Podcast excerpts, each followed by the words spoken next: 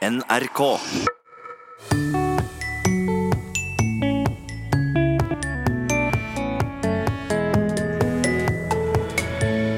Vi får et gjenhør med utvalgte lytterspørsmål i Språkteigen i dag, hvor det blant annet spørres hva er en gløyp? Ja, det Det kan bety eh, flere ting, det. Og hvor i all verden kommer uttrykket helt kanakkers fra? Ja, Det er et eh, godt spørsmål og et utrolig, utrolig spennende ord. Vel møtt til Språkteigen. Det er Sylfest Lomheim som er først ut til å svare i dag, og det er Asbjørn Finnholt som spør. Hva betyr anker? Nærmere bestemt anker brukt på TV i form av nyhetsanker og sportsanker. Han har merka seg at nyhetsopplesere blir omtalt som anker. Og Sylfest Lomheim han gikk til Ingvild Bryn, som er kjent som den rollen i Dagsrevyen, og hun kjente seg ikke igjen i den betegnelsen.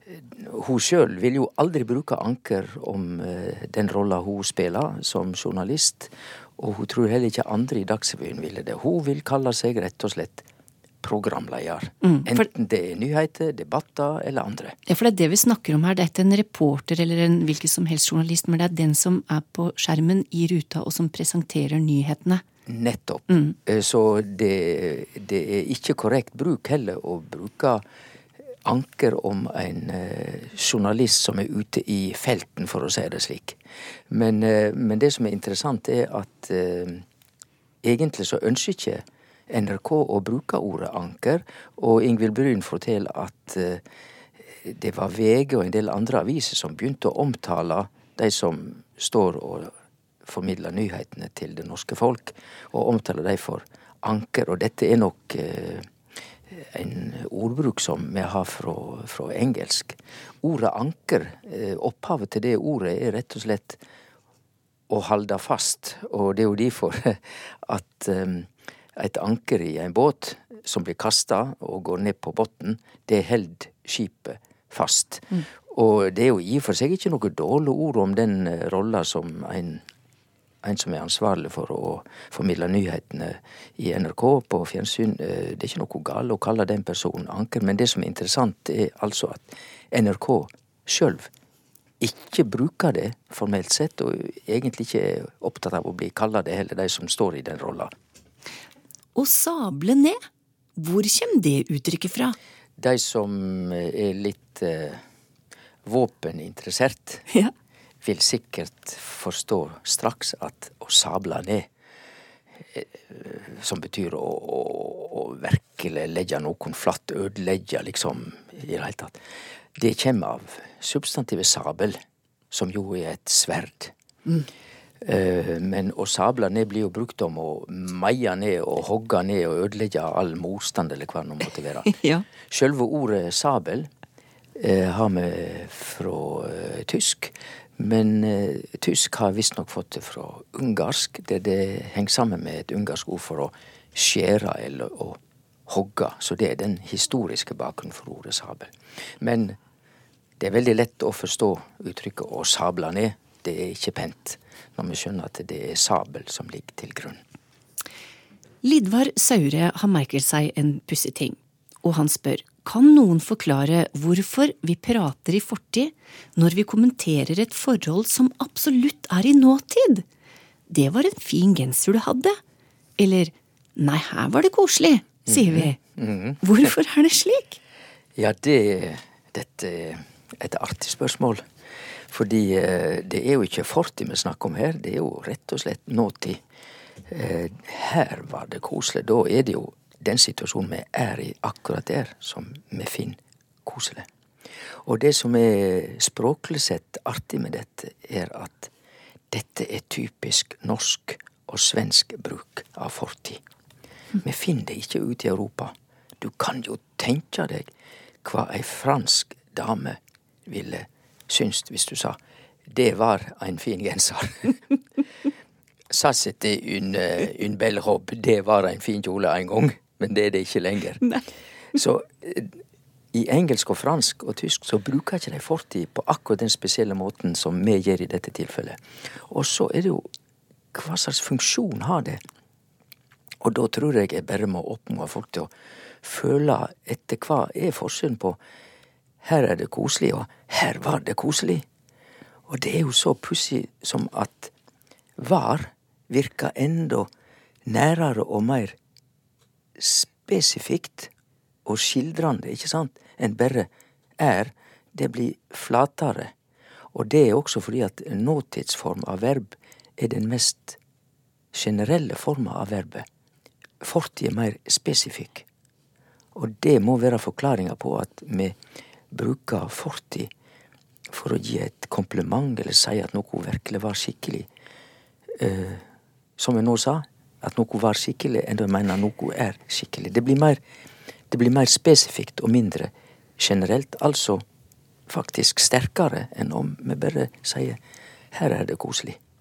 Det er et litt underlig fenomen? Ja, det er det. Det er veldig underlig. Og derfor er det typisk svensk og norsk, men ikke ute i Europa. For eh, ute i Europa ville de aldri finne på å bruke verbet på den måten der.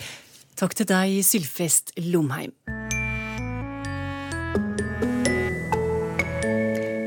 De neste spørsmåla går til Toril Oppsal. Stein og Ragnar spør Fins det et norsk ord for whataboutism? Er waoisme eller hva-med-isme gangbart? Ja, whataboutism. Det er et ord som kanskje er nytt for flere. Dette her havna på, i hvert fall på svenske Språkrådets nyordliste i fjor. Eh, og dette her er navnet på en bestemt type argumentasjonsteknikk. Der du prøver eh, å være litt Ja, det er litt sleipt, altså. Men du, du prøver rett og slett å avlede kritikk ved å vende oppmerksomheten mot noe annet som er kritikkverdig. Um, vi kan jo ta et lite eksempel fra hjemmebane. Ja. Um, hvis du nå ja, påpeker at uh, en i husstanden ikke har tatt med søppelposen ut, og da blir møtt med ja, men hva med deg, du glemte å tømme oppvaskmaskinen. Og begge deler er for så vidt kritikkverdige, men denne oppvaskmaskintømminga har ikke noe med søppelposen å gjøre. Altså, så, så, det er det med altså, Du tvinger motparten til å måtte forsvare seg, eh, men for noe som er kobla til noe helt annet. Mm. Eh, og dette her er jo i politisk sammenheng ofte kobla til det å unngå å svare på kritikk ved å peke på kritikk hos opposisjonen. Så ganske mye brukt, med andre ord. Ja, og det er særlig det siste også kobla en del til ordbruken til Donald Trump. Mm. Som også har en tendens til å starte særlig korte Twitter-meldinger med 'what about'. Um, men, men, hva skal vi kalle dette på norsk, da? Yep. Altså jeg ser Det er en lokalpolitiker um, fra Bærum, mener jeg, som heter Bie, som har brukt hva-medisme mm. uh, som et uh, forslag. Uh, jeg har også sett jammenisme blitt foreslått. Eh, jeg syns eh, ja, men hva med-teknikk. Den har jo litt schwung over seg. Altså, eh, jeg jeg syns det er vanskelig å, å, å foreslå noe, men, men, men, det er mange ting som klinger godt. Jeg syns vi skal prøve oss med hva med disme. Ja, og så gjelder det vel å komme fort på banen ja, med et norsk ord nå? akkurat det. Mm. Vi, vi, vil jo ikke ha denne whataboutism. Nei. Nei, Vi vil ha et norsk uttrykk. Hva med disme? Mm -hmm. Ja, da har vi lansert den. Hei, vi har et ord som vi lurer på. Kan dere hjelpe? Det er tredje drama på Stange videregående skole som spør, og ordet, eller ordene, er kontrapunktisk komposisjon. Mm. Vakkert. Ja, her tror jeg dramaklassen kan eh, banke på hos musikklassen. Ja. Og få et ganske utfyllende svar. Men jeg, jeg kan begynne. Ja. Eh, fordi kontrapunktisk, det hører vi kanskje, er et adjektiv som beskriver en komposisjon. Og det adjektivet, kontrapunktisk, det er avleda av et substantiv, kontrapunkt. Og det kommer fra latin. Punktum kontra punktum, som betyr note mot note. Og her er stikkordet mot. Fordi dette her dreier seg nettopp om et møte mellom melodier. Så der hvor du setter én eller flere melodier til en gitt melodi, så oppstår det et kontrapunkt. Ah. Så den teknikken og kunnskapen om hvordan du bruker den teknikken til å skape flerstemmighet, det er det du lærer hvis du studerer kontrapunkt. Så en kontrapunktisk komposisjon, den er altså satt sammen av et møte mellom en hovedmelodi og en eller flere ganske så selvstendige motmelodier. Aha, akkurat som Ja. et arrangement, da, rett og slett, ja. for flere instrumenter eller flere Ja, nemlig. Hvor, da, hvor disse stemmene har uh, en selvstendighet. Uh, og de er også satt sammen etter noen ganske bestemte regler eh, i klassisk forstand. Og så må jeg innrømme at da jeg var liten, så satte jeg stor pris på et TV-program som het nettopp Kontrapunkt. Ja.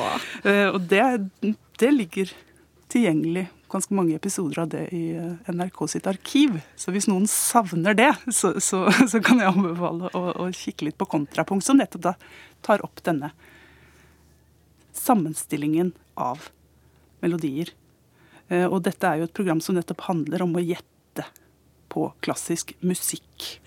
Jeg sitter også og lurer på hvordan de har tenkt å få den der kontrapunktiske komposisjonen inn i drama, men det får kanskje Stange Ja, videregående men, men ut. det, det, det, er, det, det kan de jo for så vidt få jobbe litt med, men, men, men det, er godt at du sier det. Fordi kontrapunkt også er brukt som både et begrep og et prinsipp innenfor litteraturvitenskapen. Der man nettopp kan sette temaer og motiver opp mot hverandre og skape en egen form for eh, flerstemmighet.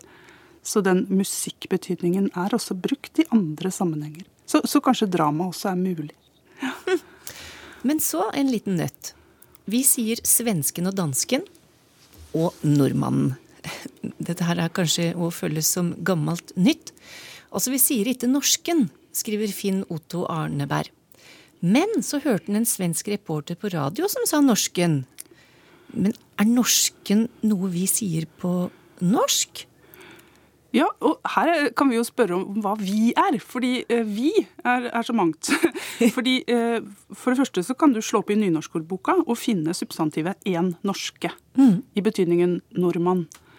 Eh, og norsk ordbok har 'norskar' i samme betydning som et substantiv. Og jeg mistenker at du, Torunn, sier 'en norske'. Ja, jeg gjør det. Ja, og også andre. Særlig en del folk som bor og oppholder seg langs svenskegrensa. Mm. Så, så her er det ikke så, så, så rart at verken du eller svensken sier dette. Eh, Og når vi skal snakke om svensken og dansken og nordmann-vitser, som jeg sier, så, så dukker det opp eh, andre varianter, som dansken og svensken og norsken. Ja.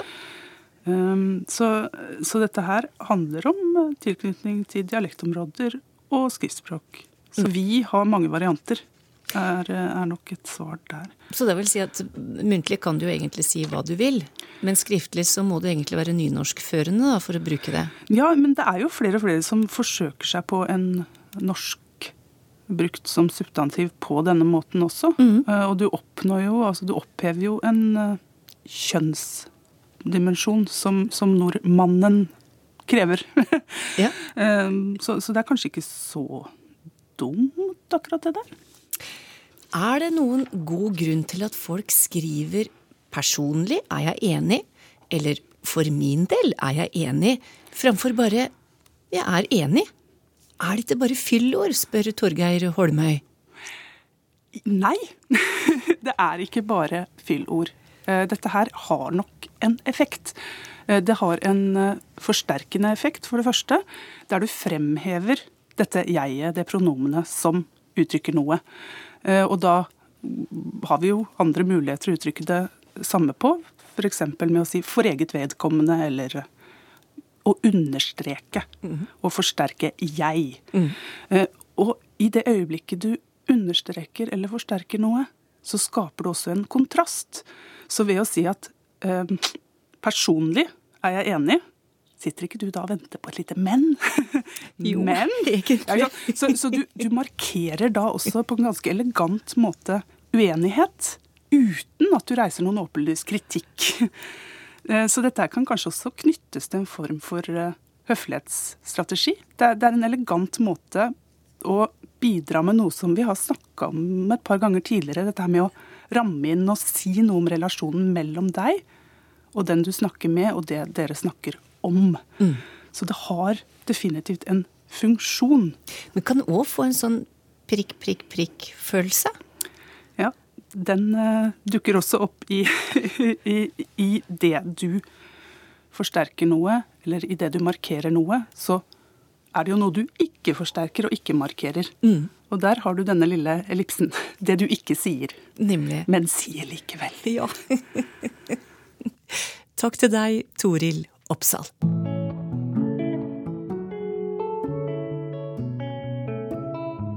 Så blir det dialektspørsmål. Med andre ord er Tor Erik Gjenstad klar til å svare. Magnus Volden skriver Kjenner noen til ordet gleip, og hva betyr det? Ja, det Det kan bety eh, flere ting, det. Eh, Altså, det kan bety en munnfull. Eller en slurk, eller et jafs. Altså det som du gløyper i det. Eh, Og da er det jo verbet å gløype, da, som betyr å sluke. Eller å, å svåle, å, å svelge. Og du gløyper i det. Og så er det da også om person som gløype. Altså en, en uh, slukhars, en fråtser, en, en grådig person. Da. Det kan være én gløyp. Så det, det er jo det det, det betyr. Uh, og uh, annen betydning av gløyp, som er litt mer spesiell kanskje, det er jo en Altså i vann, det er jo der farten eller strømmen øker. Ja, Det kan øh, som plasser være kalla gløyp. Og jeg vet ett ord til der det er gløyptro, eller gløptro. Det er inntakstroa i et kvennhus der du tar inn vannet som skal ned på kvennakaren. Og For da, da får det fart, da, vet du. Du, du, du leder det inn i ei tro slik at, som uh, har ganske bra fall, slik at det får vannet, vassstrålen, får stor fart når den treffer kvennakaren. Og det er gløyptroa. Men dette gløyp, gløype, har det noe med glafse å gjøre, eller? Det kan hende langt uti, men det er jo et gammelt verb. Gløypa allerede på eh, norrønt, da. Lisbeth Glærum har et spørsmål om et uttrykk fra hennes barndomstrakter i Kristiansand. Der sa de pøs om et spann. Og hva er bakgrunnen for det ordet, spør hun. Ja, bakgrunnen er vel eh, sjøfarten og sjømenn. Eh, For pøs, eh, om jeg bøter eller et spann, det kommer ifra lågtysk, som man sier, nordtysk, pytse eller pysse, og der betyr det visstnok auskar. Så pøsen var nok opprinnelig til skipsbruk, ja, om bord i båter. De hadde den pøsen. Så det er import nede fra Nord-Tyskland. Så det er mer et maritimt uttrykk enn det er en dialekt? Ja, det vil jeg nok si. Ja, det er nå kommet inn via sjømenn, sikkert. Og så har det jo kommet til å bety bøtt eller spann mer allment. Du har jo målerpøser, for eksempel. Um, For en stund siden så prater vi om ordet jue her i Språkteigen. Og da som et dialektord fra Sykkylven, der jue ble brukt om et sånt friområde i lek, som i Sisten for eksempel. I min dialekt fra Borgund i Lærdal brukte vi ordet annerledes, skriver Ola, Ola Gram. Hans mor brukte å si «Jeg kvir meg så ei njue, Og han oppfatta det som å grudde seg til noe. Vil det si at dette ordet har flere betydninger, spør han. Ja, jeg tror nok kanskje det er et annet ord her. Eh, For her er det jo én jue, Ja. eh, hannkjønnsord, og det der området i, i leik, det var vel ei jue, så vidt det kommer i haug. Så det er nok litt annet språkmateriale, det her. Eh, Den der jua i leiken, det sa oss vel kunne ha vært opprinnelig et eh, søkk eller ei grop. Men én jue, hannkjønnsordet om person, det er jo mye rart. Eh, Norsk ordbok fører opp sju forskjellige betydninger Ok. av det. Tyngdepunkt på Vestlandet ser ut for å også inn i, i Agder. Men eh, eksempel betydning én som de har, er jo en som huier og skråler og bråker. Og så betydning to en villstyring, og det ser ut for å være mest vanlig. Men det passer jo ikke helt det her med kvier seg som en jue, hvis det ikke da er Eh, En jue da er en som eh, jamrer seg og lager bråk på den måten. Eh, Nå har vi ei opplysning nettopp fra Lærdal. Eh, Det er ei ganske stor ordsamling av en Anders Skogen. Og han har med en jue. Og definerer det slik en som fer og rautar tumlar. Og så har han eksempelet skrika så en jue. Så jeg lurer på om det kan være rett og slett en som skriker og jamrer seg her, da. Kan se ut slik. Men det er mange personbetydninger av jue. Og, og du har et verb som vel ligger i bunnen her, eh, å jua eller å jue, som blant annet betyr å huie og skråle. Så det, og det kan vel være lydhermandes. Så har du òg noen sammensetninger som juevær. Det er styggvær. Og et juehus det kan vel nærmest defineres som huskestue. Hun tante Rekarda fra Vesterålen hun fikk en dag litt mye arbeid å stå i med, skriver Terje Albrektsen. Jeg tror jeg blir snål, sa hun. Han onkel Sebulon var så gjerrig, så han ville ikke gi bort såpass som en femøring. Er du snål, sa tante Rekarda til han. Har vi flere former for snål, og hva eventuelt betyr dem? Ja, eh, det er nok mange former. Eh, Hovedsak så er det snakk om to forskjellige ord, iallfall slik som eh, ordbøkene fører det opp. Og den her vanlige, da, snål i betydning rar, som vel var den første her, var så mye arbeid at hun trodde hun var snål, altså helt, helt rar. Ja. Det er nå et ord for seg. Norsk ordbok fører opp fire hovedbetydninger av det ordet der. Det ene er jo da eh, rar, eh, merkelig. Nummer to det er artig, eh, morosam. Det, da kan en være snål. Og så er det ei betydning fortreffelig, velskapt, vakker. Og til slutt kvikk, kjapp, smidig. Så alt det der er, mener de er varianter av samme ordet. Og kanskje at det er i slekt med verbet å snu, med ei, altså hatt ei grunnbetydning rask. Og så er det da den her snål i betydning gjerrig, grådig, grisk, eh, småle. Det er sannsynligvis et annet ord. Eh, For det knytter seg til et verb å snåle, eller også bare å snå, som betyr å leite og snuse og liste og lure seg til noe. Eh, Og det, det er også vidt utbredt, men det ser ut til at det har et østlig og et nordlig tyngdepunkt. Og det henger sammen med svensk, for eh, svensk har jo snål i den betydninga gjerrig. Ja. Så det er to forskjellige ord, men eh, de har i seg sjøl greina seg i flere betydninger. Det har skjedd over litt tid, dette her er fra rask til mange forskjellige varianter. Ja, det måtte ha gjort det, så det er jo eh, gamle ordet her. Og det er jo litt eh, det som en kaller falske venner, da, fordi at det kan eh, gå an å misoppfatte. Men som regel så blir en jo redda av sammenhengen. Ja, som en ofte blir. Ja da. Hva er opphavet til ordet kippe? For eksempel i setningen 'Kan du kippe meg en tur til byen?' eller 'Vi kan ta en kipp'. Det er Inger Marie Haakonsen som spør. Ja, det her må jo være ei videre utvikling da, av det her mer vanlige å kippe, som betyr å rykke eller nappe, flytte i små røkk. Eh, Det er noe eh, kanskje det mest vanlige med å kippe, og du kan jo kippe på det en sko, ikke sant? Eh, Når du kjører i kippevending, så deler du opp og frakter ting i flere små vendinger. Og nei, du har jo både verbet kippa allerede i norrønt, og du har substantivet kipper, som da betyr et røkk eller et napp. Det kan jo bety en stykk, altså at en får en kipp i seg. Altså her er det da vel overført til en, en snartur, rett og slett. Det sa Tor Erik Gjenstad.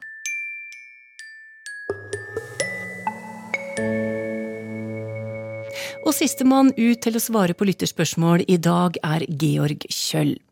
Harald Bone hørte et program tidligere hvor vi brukte uttrykket helt kanakkers, og det syns han satt som et skudd, og han forsto det brukt i betydningen bra eller helt topp. Han slo det opp og fant ut at det er en by i Armenia som heter Kanakker, men det er vel neppe der det kommer fra, så hvor kommer det fra, spør han. Ja, det er et eh, godt spørsmål og et utrolig, utrolig spennende ord. litt vanskelig utgangspunkt, dette her med kanakkers og, og betydningen som, som bra. Ehm, jeg har prøvd å undersøke litt, og det er flere som sier at ja, de har så hørt denne betydningen, men i skrift og eh, andre steder i litteraturen hvor man har snakket om dette ordet, så, så, er det ikke den betydningen som er mest vanlig, og det er heller ikke den formen. Eh, kanakkers er nok mest kjent som kanakas, og da i betydningen eh, beruset, eller full. Jeg var helt kanakas drita. er en, eh, en slangbetegnelse som er blitt uh, brukt ganske mye. Blant annet så har Norsk Akademis ordbok uh, belagt dette med et sitat fra, fra, Skam. Så det er helt kurant i moderne, moderne norsk også blant uh, unge. og det har vært ja, en god par tiår i hvert fall. Men selve ordet kanakas og varianten av kanakkers går lenger tilbake i tid og har ikke så mye med geografiske betegnelser å gjøre, men med faktisk en betegnelse på et folkeslag, eller flere ulike folkeslag, i eh, Stillehavet, på Stillehavsøyene. Blant annet på Polynesia og, og Hawaii. Og dette var innfødte da, som ble fraktet rundt i det britiske imperiet som slavearbeidere. Og de ble omtalt som kanakas, eller kanakkere, altså på, på norsk. Så ordet uh, dukker opp i, i norsk uh, ganske mye på, på 1800-tallet og fram til slutten av 1900-tallet om nettopp disse folkegruppene. Og etter hvert så har denne betegnelsen blitt litt sånn eh, Den har, den har fått eh, Som jo skjer, da, med, med mye sånn etterlevninger fra kolonitiden. Det har fått en litt ekkel klang. Eh, man har ikke brukt det så mye. Så dermed har andre nye meninger kunnet, kunnet overta. Så hvis vi går til standup-komedie, så tror jeg kanskje vi kan forklare dette her. Ja vel? Eh, ja, fordi det er eh, en engelsk komiker som heter Michael McIntyre. Som en del av en av, en av sine standup-show har han et, et, segment hvor han snakker om at eh, det er jo så mange engelske synonymer for beruset. Drunk er jo det mest vanlige, da, men han sier at gitt den rette sammenhengen kan du si at du er trousered, eller du er trolleyed, eller du er wellied, eller du er rat-arsed. Som er sånne adjektiviseringer av, av helt tilfeldige substantiver, egentlig. Som ikke har noe med selve det å bli beruset å gjøre. Men han sier at gitt den rette sammenhengen, så kan nesten hva som helst bli til et ord for full. Og eh, det er ikke helt sant at linguistikken ikke kan hjelpe oss her, fordi vi, vi eh, har vært borti det som kalles pragmatikk før.